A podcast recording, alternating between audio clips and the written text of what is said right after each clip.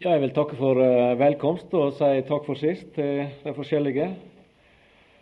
Og um, før jeg går inn på det som jeg vil si, så, så vil jeg også bringe fram hilsener fra forskjellige folk som dere kjenner hjemme, som uh, visste jeg skulle av gårde i helga, og som ba meg helse så mye til den enkelte av dere.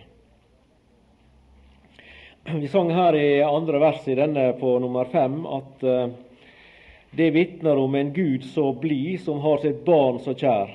Det trøster meg den korte tid jeg enn skal vandre her. Det viser hva min Fader har hver dag for meg beredt. Og er min vei enn mørk og bar, det navn gjør veien lett. Og akkurat eh, Litt av det innholdet som dette verset har, det er i grunnen det som jeg har tenkt å minne oss om eh, disse kveldene og søndag formiddag som vi skal være sammen. Jeg har sett som overskrift på det som jeg vil bære fram. Det er da noe å være barn av Gud, den evige Fader. Så det er litt om eh, far og barn som jeg vil eh, løfte fram eh, i disse møtene. Du kan ikke åpne Det nye testamentet ditt uten at du oppdager én ting, og det er at en av de tinga som gjør at det er Det nye testamentet, og ikke det gamle, det er at i dette testamentet der kan både kvinner og menn kalle Gud for far. Og det at eh, du og jeg kan påkalle himmelens Gud, universets skaper, jordens herre, som vår far, det berører, så langt som jeg ser det, sjølve kjernen og hjertet i vår kristne tru. Paulus han sier i Efeserbrevet det andre kapittel og i vers 18 at ved Kristus, eh, for ved ham, altså Kristus, har vi begge, altså jøde og greker, jøde og hedning, jøde og Kristi forsamling. For ved ham har vi begge adgang til Faderen i én ånd. Tenk at vi har adgang til Faderen. Hvis vi går tilbake til eh, tidens morgen, så vet vi at det skjedde noe trist i Edens hage som førte til at Gud måtte utøve ei handling som bar konsekvens av avstand i seg, nemlig at han drev mennesket ut av Edens hage og sette kjeruber med lågende sverd til å passe inngangen, står det om. Og det betydde at mennesket ikke lenger hadde adgang. Adgangen til hagen var brutt. Adgangen til Gud, slik som den var før, var brutt. Her leser vi om en som har åpna veien på nytt inn til Gud, men ikke bare inntil Gud, men inntil Gud i en spesiell karakter, nemlig inntil Gud som far. Kristus han har gitt oss adgang til Far, adgang til Faderen. I Det gamle testamentet så er det svært sjelden at vi finner referanser til Gud som far. Vi vet at eh, det blir brukt i de profetiske skriftene om Israel, at vi ser Israel som Guds barn og Guds sønn og eh, Gud som far. Men det, det er veldig lite i forhold til Det nye testamentet. De som har talt opp, har funnet at vi i Det nye testamentet er over 200 ulike referanser til Gud som far. Og Det er for meg et vitnesbyrd om nye sider ved Guds nåde. Vi leser i Johannesevangeliet at nåden og sannheten den kom ved Jesus Kristus. Og En del av denne Guds mangehånde nåde, som ble åpenbart i Det nye testamentet, det er dette at Gud, han har et spesielt forhold til en del mennesker på jord, nemlig han er far, og de er barn. Det er nye sider ved Guds nåde. Guds nåde var jo i aktivitet også i Det gamle testamentets tid. Gud han har Vi hører det her fra salmen. Gud han er full av nåde og av miskunn og av barmhjertighet. Det er han. alltid vært, og det er han i dag. Det er en del av hans vesen, en del av grunnene i hans karakter. Men det kom spesielt fram i Det nye testamentets tid, dette at Gud, han er far. Og Jeg har sett litt på det i, i, i vår, eller i vinter. Og eh, til mer jeg har kikka på det ut ifra ordet, så er det blitt mer både viktig for meg og interessant å se dette.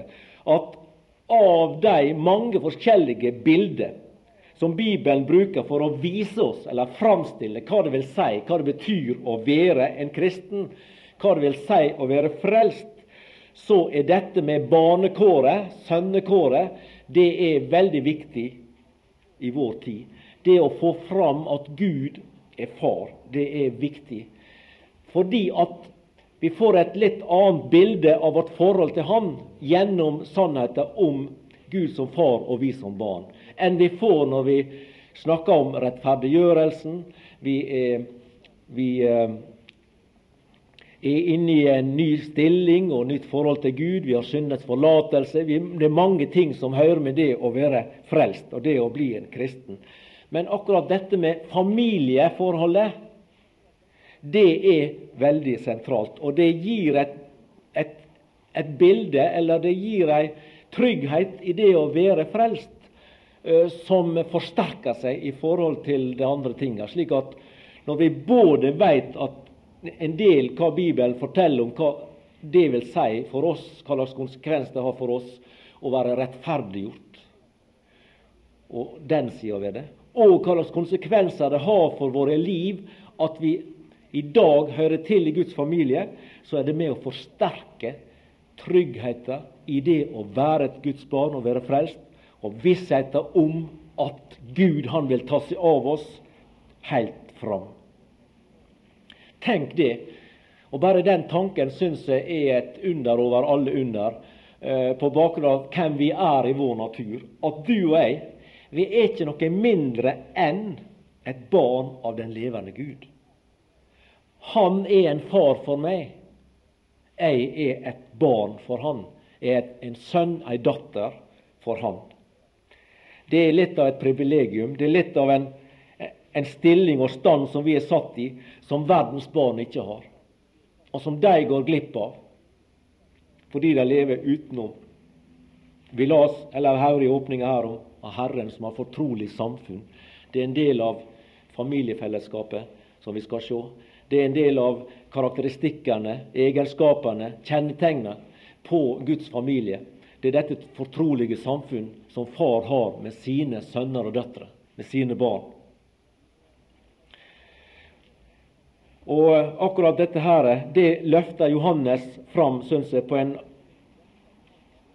enestående fin måte i sitt første brev og tredje kapittel. Første Johannes brev, tredje kapittel og vers 1 og 2. skal lese der.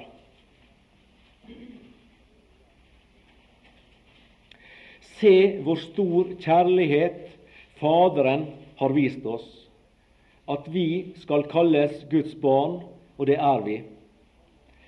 Derfor kjenner verden ikke oss, fordi den ikke kjenner Ham.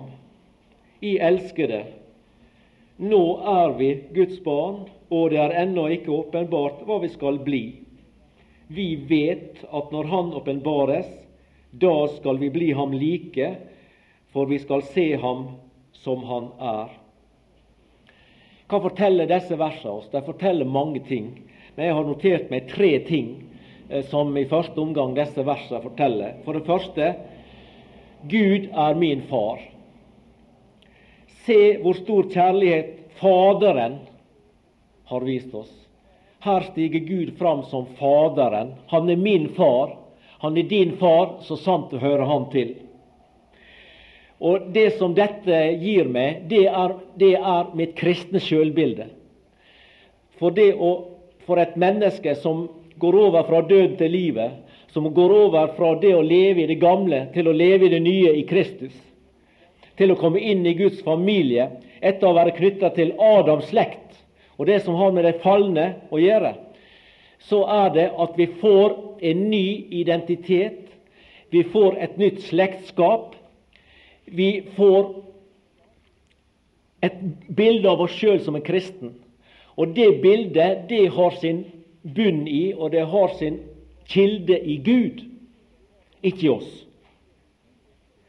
Med andre ord at ditt og mitt sjølbilde som kristen det starter ved kunnskapen om Gud, og ikke med oss sjøle. Det er om, gjennom kunnskapen om Gud og hvem Han er, at du og jeg ser oss sjøle og vår verd. For i oss sjøle er vi fortapte og fordømte syndere. I Gud og det Han har gjort oss til ved å gjøre oss til sine barn, så har vi uendelig verdi for Han. Og gjennom å få se hva, han, hva slags pris Han har sett på oss, hva slags verdi Han ser i oss, så får du og jeg et bilde av det å være kristen.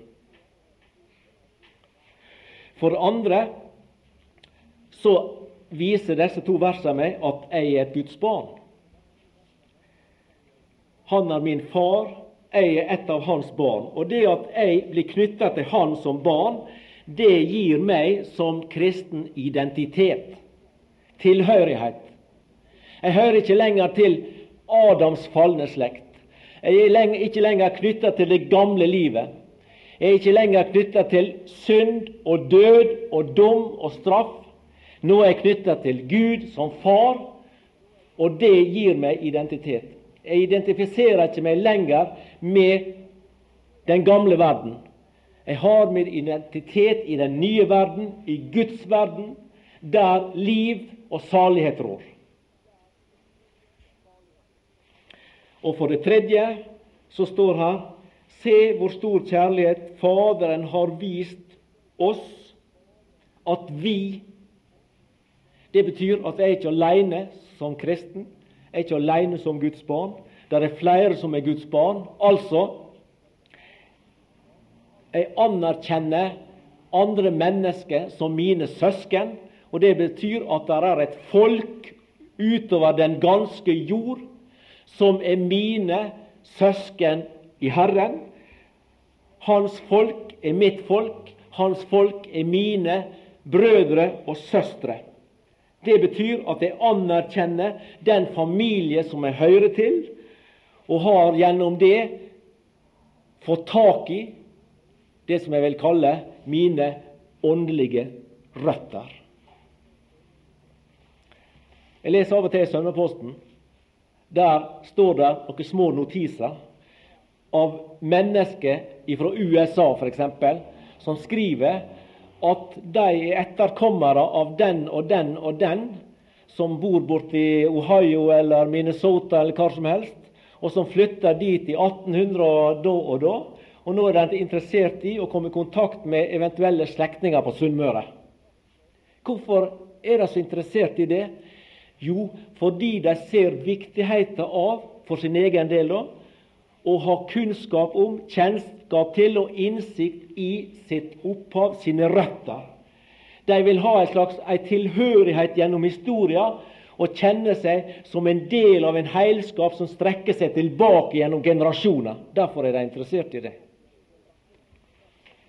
Og ved at jeg anerkjenner alle Guds barn rundt omkring i denne verden som mine søsken, så betyr det at jeg føler meg sjøl og erkjenner meg sjøl og ser meg sjøl som en del av Guds familie, og gjennom det har jeg mine åndelige røtter. Og det gjør meg trygge, for jeg vet hvor jeg hører hjemme, og jeg vet, vet hvem jeg hører til, og jeg vet hvem jeg er av. Jeg er av far. Han er født meg, skal komme tilbake til det. Jeg er hans ektefødte barn. Han er min far, jeg er hans barn, og jeg har søsken. Det er med på å skape meg et, et bilde av meg sjøl som en kristen. Jeg ser meg i en sammenheng. Jeg har en identitet, og jeg har røtter. Så det betyr at det å være en kristen, det bygger først og fremst på vårt nye fellesskap og samfunn med Gud. Fellesskap og samfunn med Gud. Vi er ikke av naturen Guds barn. Vi må bli det. Og akkurat det syns jeg er viktig å få fram. Vi må bli det. Av naturen så er vi Guds fiender. Hvis vi leser i Romerbrevet Jeg skal ikke lese så mye, men jeg har plukka meg ut litt her og der. Men i, i Romerbrevet, i det første kapittel, og ifra vers 18 I Romerbrevet 1 og fra vers 18, der det, der det åpner med 'for Guds vrede åpenbares over all ugudelighet' osv. Og så, og så lister Paulus opp utover i det første og det andre og det tredje kapittel en katalog over kjennemerker på mennesket som syndere. Gud gir oss ved Paulus en attest hvem vi er i vår falne natur. Det er fra Romerbrevet 1,18 til, til 3,20.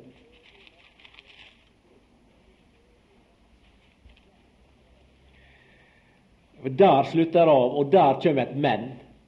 Men nå er Guds rettferdighet åpenbart, osv. Og, og så løfter Paulus fram frelsa i Kristus Jesus, og den betydning og konsekvens som den har for en synder som blir frelst, utover videre.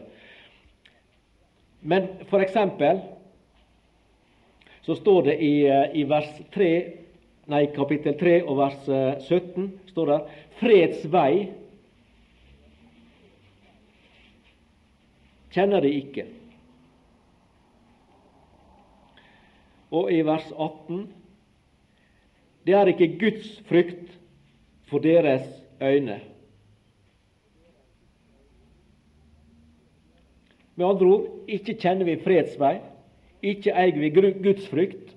Og for å ta ut noen stikkord ut av teksten ellers, så har jeg notert at vi er uforstandige, vi er urettferdige, vi er udugelige, vi er ugudelige. Og vi kunne ha nevnt mange andre slike ord som blir brukt her i disse kapitlene, som viser og stadfester at vi er syndere. At vi i vår egen falne natur er fortapt. Med andre ord vi har bruk for evangeliet. Vi er ikke Guds barn av natur. Tvert imot så er vi Guds fiende av natur. Det sier jo også Romerbrevet, at Kristus døde for oss mens vi ennå var fiender og til fastsatt tid for ugudelige. Så Det er vår attest. og Det betyr at vi ikke kan frelse oss sjøle. Og det betyr at vi ikke av egen kraft eller egen aktivitet eller på eget vis kan gjøre oss sjøle til Guds barn.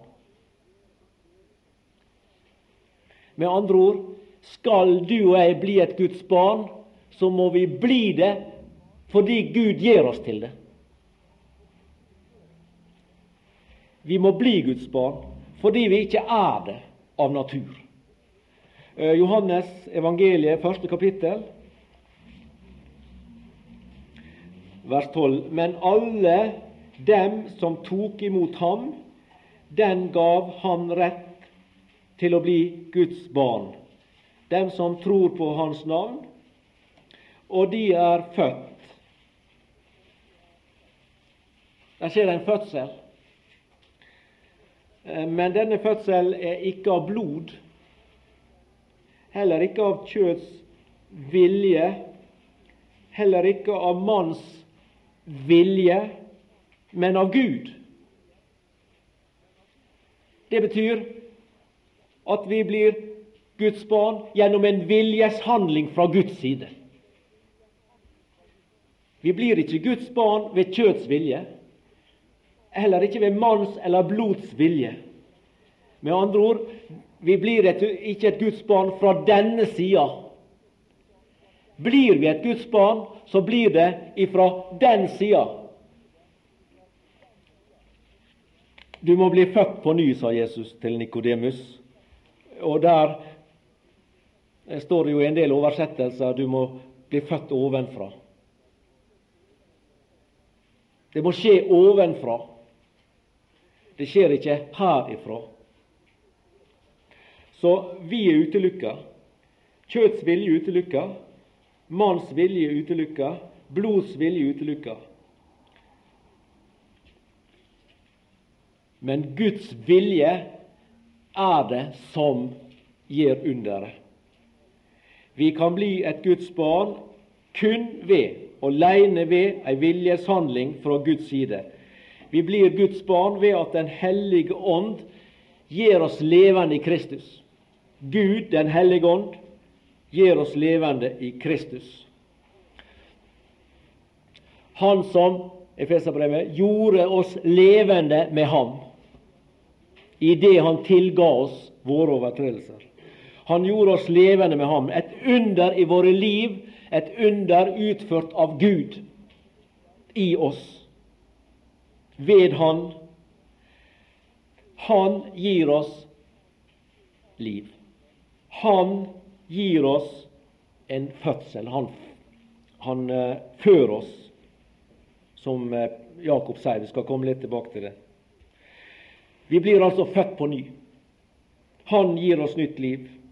Der skjer ei skaperhandling ifra Guds side. Og den fører oss inn i en ny familie. Den fører oss inn i Guds familie. Den fører oss inn i Faderens familie. Det å bli et Guds barn ved fødsel. Vi blir født, ikke av kjød og blod og mannsvilje, men av Gud. Men det er ei anna side ved det å være et Guds barn. Ei anna side ved sønnekåret eller barnekåret som jeg har lyst til at vi skal stanse for. Og Det er i grunnen det som vil bli fortsettelsen i kveld og de andre møter. Og det er at det, i Bibelens verden så er dette med barnekåret eller sønnekåret, det har to sider i seg. Det har et skattforhold, og det har et juridisk forhold. Det betyr altså at en, en sønn eller en datter, en sønn, blir anerkjent som sønn ved ei bestemt handling ifra fars side.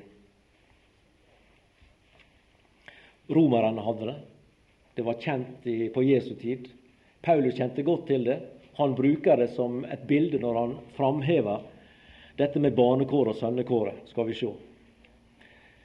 Vi finner et, et litt interessant uh, utsagn i Første Mosebok, kapittel 50, som viser litt av tankegangen i det, i dette her. I det juridiske, det legale som skjer når et barn blir anerkjent som sønn. Og Det, det er altså eh, på slutten av Josef sitt liv. Det står i, i Første Mosebok kapittel 50 og vers 23. Og Josef fikk se Efraims barn i tredje ledd. Også barna til Makir, Manasses sønn, ble født på Josefs knær. Og så leser du under det. Det er født mens han ennå levde, så han kunne ta dem på sine knær. Og det var altså en skikk som det hadde i Den gamle testamentets tid. At Josef som familiens overhode her, han fikk barnet på sine kne. Og det betydde Det var en handling som han gjorde. Og gjennom den handlinga anerkjente han dette barnet som sin families barn, sin sønn, for å si det slik. Han anerkjente han og førte han gjennom dette tegnet inn i slekta, inn i familien. For det er nemlig ikke, det er ikke nok egentlig en, en, på en side sett å bli født. Hvis ikke du blir anerkjent som, som sønn. Der er jo en del mennesker opp gjennom historien, og også i vår tid dessverre, som blir født, men som ikke får, blir anerkjent i familien. De vil ikke ha noe med barna å gjøre. De sier 'dette vil ikke jeg anerkjenne, dette vil ikke jeg vedkjenne meg som mitt barn'. Og så er det andre som må ta seg av barn. Det, det er født, men det er ikke anerkjent som sønn. Og det ligger her i dette som står her, at dette barnet han ble løfta fram til Josef. Han, fikk, han, tok det på sine knær. Det ble jo ikke født på hans knær, men det betyr at han, han løfta det opp i fanget, og gjennom den handling så anerkjente han. Alle forsto hva dette betydde når Josef gjorde dette her.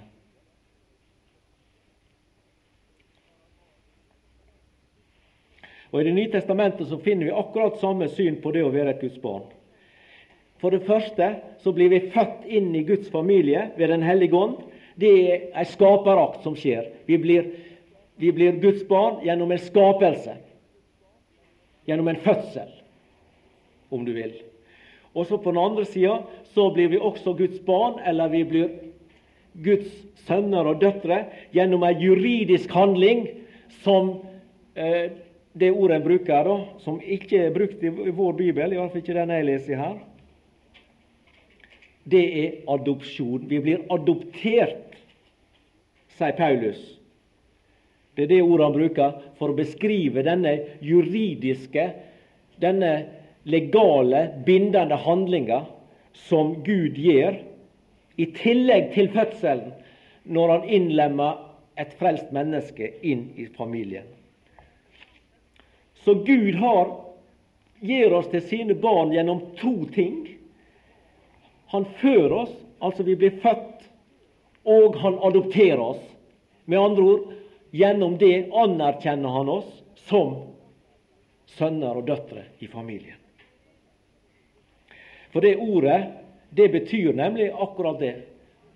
Dette greske ordet for adopsjon, det betyr å bli plassert som sønn. Han adopterer oss inn i familien. Han plasserer oss som sønn inn i familien. Og det har m.a. Med, med arv å gjøre. Det skal vi komme til. Paulus han så at det, romerske måten og, og, Det innholdet dette med adopsjon hadde i romertida, det passet veldig godt inn i, i, i dette her som Gud gjør med oss. Og Derfor så så anvendte han dette når han skulle forklare hva som skjer når et menneske blir et Guds barn. Fordi at det, For romerne så betydde adopsjon følgende Det er nokså likt med det som vi er vant med i vår tid også. Den adopterte han ble tatt bort ifra sin tidligere stilling, sin tidligere situasjon, og plassert i et nytt sønneforhold til sin nye far. Og denne hans nye far han blei kalla for pater familias. Og det ordet betyr familiens hode, eller overhode. Det er et ord som er veldig mye brukt i mafiaen i dag. Sicilia-mafiaen og borti New York og disse plassene. Pater familias. Overhodet for familien. Hans ord er lov. Ingen eh, opptar til diskusjon hans autoritet og det han sier, osv. Så, så når et, et barn ble, eller et menneske ble adoptert inn i en familie, så flytta han over til den nye familien. Fra den tidligere situasjonen og stilling og stand som han var i, og inn i den nye. Og denne pater familias, han ble da far til dette barnet. Han ble barnets hode. En annen ting som var vanlig, det var at all hans eller hennes gjeld ble sletta. Slik at den adopterte begynte et helt nytt liv, begynte på null, for å si det slik, i sin nye familie. Og du ser hvordan disse tingene passer på hva som skjer når vi blir frelst. Ikke sant? at vi, vi flytter over ifra alt det gamle, på gamle stilling og alt dette der, og, og inn i den nye stilling. Gud blir vår far. Alt er nytt. Vi begynner på nytt. Et nytt liv i den nye familien.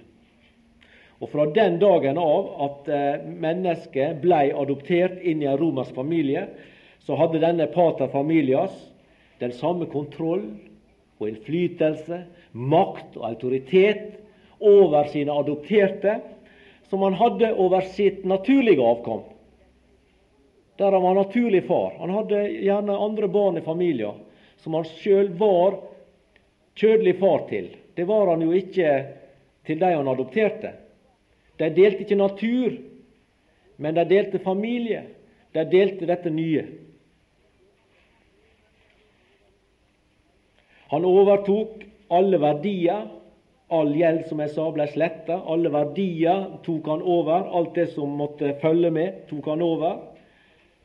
Så han fikk alle pluss, hvis det var pluss, for å si det slik. Men han tok også over alle minus. Han tok ansvaret for den adopterte sine handlinger. Han tok ansvaret for å dra omsorg for den adopterte, for hans ve og vel for resten av livet. Han kontrollerte alle hans personlige forhold, og han hadde krav på disiplin. Alle disse tingene her, det var vanlig i den romerske verden. Slik var reglene. Sånn var lova om adopsjon i det gamle Romerriket. Alle disse tingene her, de gjaldt.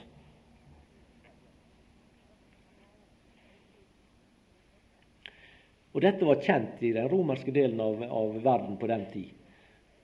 Og fordi dette var kjent, så ble dette brukt når Paulus skulle vise hva det vil si å være et Guds barn.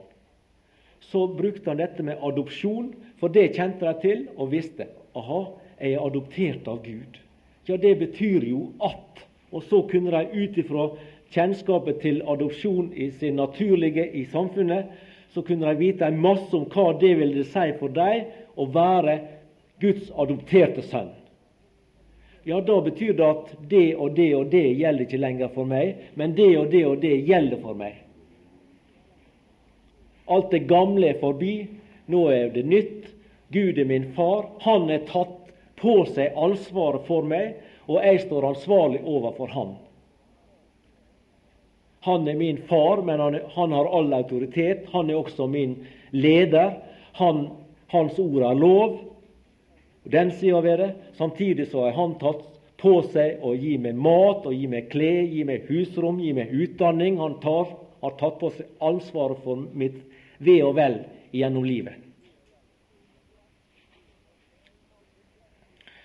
Det er også interessant å legge merke til at Paulus han bruker dette uttrykket. I Bibelen vår så er det jo oversatt med barnekår Eh, som regel, og en plass iallfall sønnekår. Dette som da betyr adopsjon. Men vi finner det bare i, i brev som er skrevet enten til eh, romerne Vi finner det et par plasser i romerbrevet.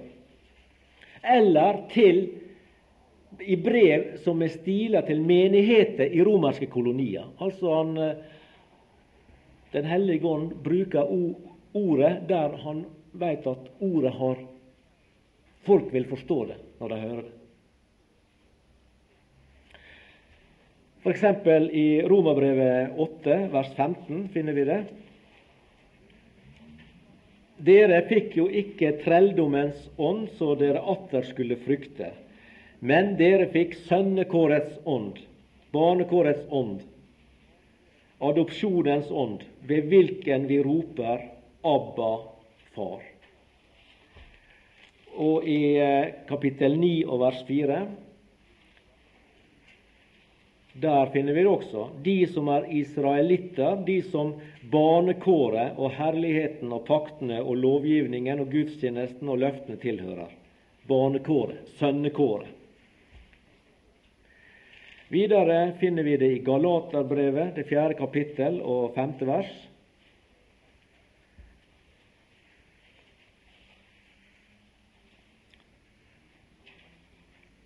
for at han skulle kjøpe dem fri som var under loven, for at vi skulle få barnekår, sønnekår. Og den fjerde plassen det er Efeserbrevet i kapittel 1 og vers 5. Efeserbrevet 1 og vers 5. I det Han i kjærlighet forut bestemte oss til å få barnekår hos seg ved Jesus Kristus etter sin viljes frie råd.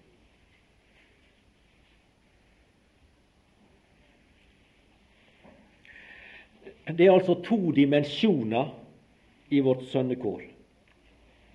Det første det er gjenfødelse, eller gjenskapelse, om du vil. 1. Peter 1,3, et kjent ord som du kan utenat.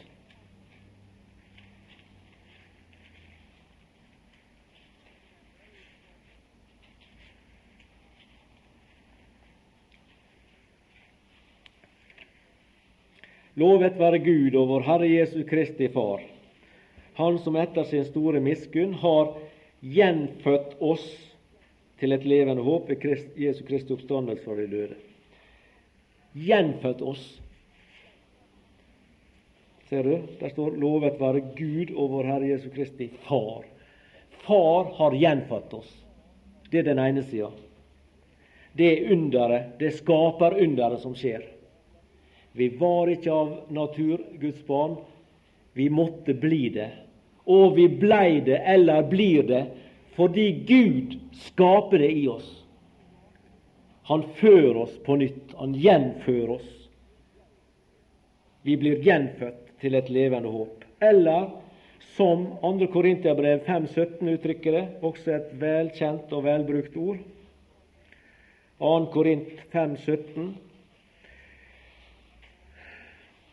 Derfor, dersom noen er i Kristus, og dersom noen er i Kristus, er han en ny skapelse. Der skjer ei skaperhandling, ei skaperakt fra Guds side. Det gamle er forganget, se, alt er blitt nytt. Med andre ord, det å bli frelst, det å komme inn i Kristus, det medfører at det skjer en skapelse av Gud, fra Gud. Hvis vi er i Kristus, så er ikke vi i Kristus, så er ikke vi frelst. Fordi at enten så er vi i Kristus og frelste, enn så er vi utenfor Kristus og uten Gud og håp i denne verden. Men er vi i Kristus, da er vi en ny skapelse. Gud kan vise oss fram som en ny skapelse. Han kan peke på den enkelte av sine og si 'Han har jeg skapt'. Det er en ny skapelse du ser der. For det gamle, det er forbi. Og alt er blitt nytt.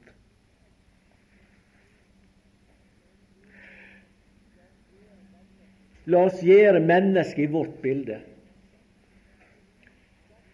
Og Gud skapte mennesket i sitt bilde. Til mann og kvinne skapte han det. Gud skapte. Så vet vi hva som skjedde. Det skjedde et fall, og det skjedde ei skilsmisse med en uoverstigelig avgrunn mellom menneske og Gud. Ingen kunne etterpå av seg sjøl komme over til Gud etter den dag. Kløfta blei for stor. Mange har prøvd. Verdens religioner er et forsøk, vet vi. Alle religioner av ulike sjangere og innhold. Det er menneskets voldsomme forsøk på å tilintetgjøre og nullifisere denne avstand, denne avgrunn, denne kløft som oppsto da synda kom inn i verden. Det er forgjeves. De kan gjøre det de orker. De kan tilbe, de kan ofre, de kan reise på pilegrimsferde, hva som helst. De kan piske seg til blods. De kan bo som eremitter. De kan gjøre hva som helst for å nå paradis. De når ikke paradis. Det er en stengt vei. Men så er det Gud griper inn på nytt og skaper på nytt i Kristus. Disse fordømte, fortapte syndere, de opplever å bli en ny skapelse i Kristus, en handling fra Gud, der Gud sletter alt det gamle ut og sier det gamle, det er forbi, og alt er nytt.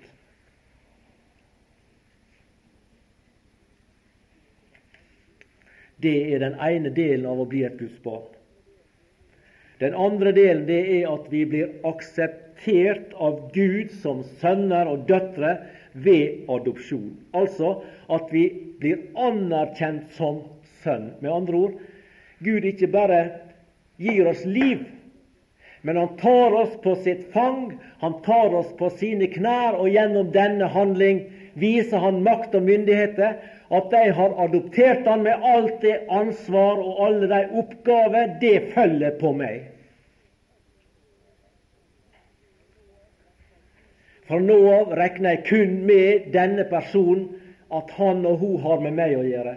Alt det gamle er forbi. Alt nå er knytta til han og meg, hun og meg. Det er det fortrolige samfunn mellom barnet og far. Han anerkjenner oss i sin familie som far. Han sier 'Du', sier han, 'jeg anerkjenner deg som min sønn'. Ikke bare at jeg har gitt deg liv, men jeg anerkjenner deg som sønn også. Og med anerkjennelsen følger både rettigheter og ansvar, som vi skal se på seinere. Og det som er evangeliet og det som er nåden i dette, her, det er at kilder til det hele finner vi i Gud. Jakob 1,18 sier at etter sin vilje Og vi har lest andre plasser i Efeserbrevet etter sin viljes frie råd. Ingen tvang Gud. Ingen kunne heller hindre ham men etter sin egen frie vilje. Han fødte oss. Etter sin vilje har han født oss ved sannhetsord. Det sier Jakob. Det er en annen måte å uttrykke det på, men det viser det samme. At vi er gjenfødt etter Guds vilje. Alle de som tok imot ham, de ga ham rett til å bli Guds barn, og de er født av Gud. Etter sin vilje har Han født oss. Og etter og i sin kjærlighet har Han adoptert oss. Som vi las her fra 1. Johannes 3. Se hvor stor kjærlighet Faderen har vist oss, at vi skal kalles Guds barn. At vi hører Han til, at Han anerkjenner oss som sine sønner og døtre at vi blir regna med i hans familie, at han har tatt på seg å ta seg av oss, vise oss omsorg i alle ting, så lenge det er behov. Hva leser vi i salmen? At bare misk, nåde og miskunnhet skal etterjage meg alle mitt livs dager, og jeg skal bo i Herrens hus gjennom lange tider. Herren er min hyrde meg fattes intet. Han lar meg ligge, han leder meg, han tar oss ut på tur. Til de grønne enger og til vinens vann, og like inn på fiendene. Han dekker bord like ved våre fienders øyne, osv. Men det er det som er det herlige. Turen, den ender heime. Vi kommer tilbake igjen til huset, farshuset, jeg skal bo i huset gjennom lange tider. Det skal vi se på seinere en dag. At det som er her, det er temporært, det er midlertidig. Vi har noe i vente også.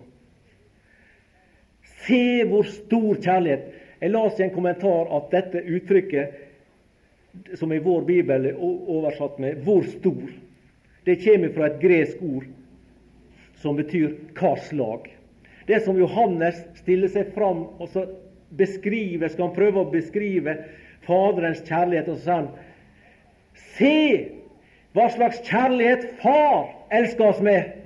Det er ikke den alminnelige, jordiske, menneskelige som vi er vant med, som er preget av egoisme og selvopptatthet osv., som vi kjenner til, og som vi må innrømme alle sammen. Den kjærlighet som er av denne verden, den kjærlighet som er denne side, denne kjærligheten som har sitt utspring i oss, den er mangelfull, og den er ikke slik som Gud.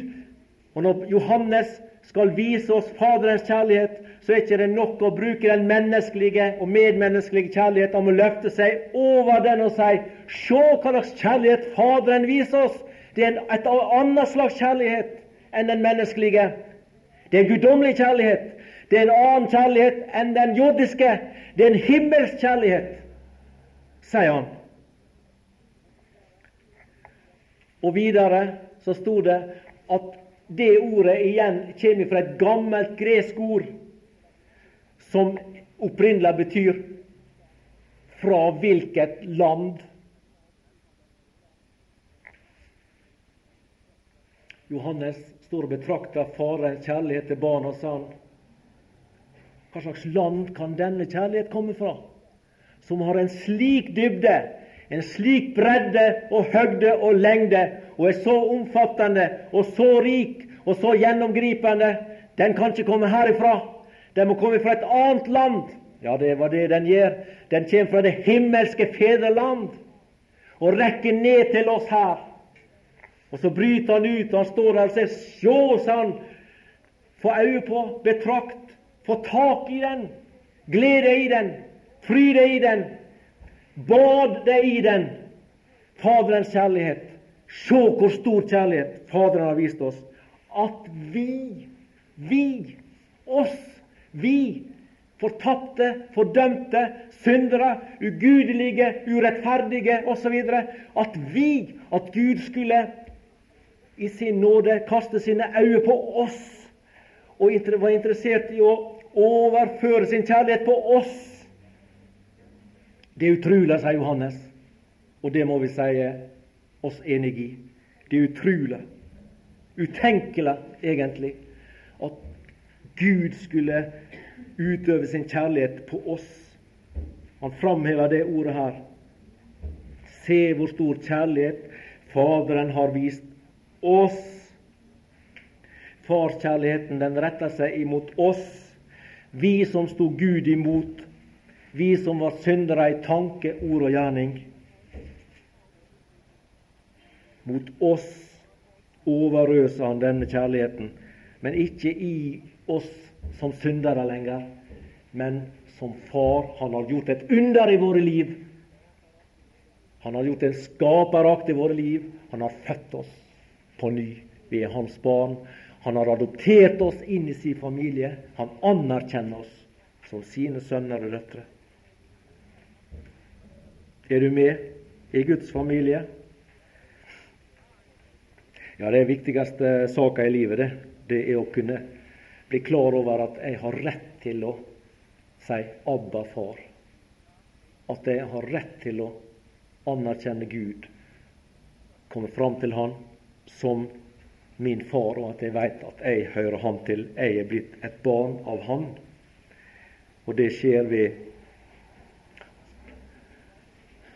at jeg slipper Jesus til i mitt liv, at jeg sier ja til Han. For det var ved Kristus det er ved Kristus vi har fått adgang til Faderen. Så ved å ta imot den Herre Jesus, så skjer også dette under i våre liv, samtidig som vi opplever disse alle andre under i våre liv, med rettferdiggjørelse og alle disse andre tingene. Ved å akseptere Jesus som vår frelser, ta imot tilbudet om syndenes forlatelse, så skjer under. Vi blir født på ny. Vi blir adoptert inn i familien. Og vi blir en av de, som Johannes sier, som har fått retten til å bli Guds barn. Ja, jeg takker deg, Herre Jesus, for du ga også meg den retten.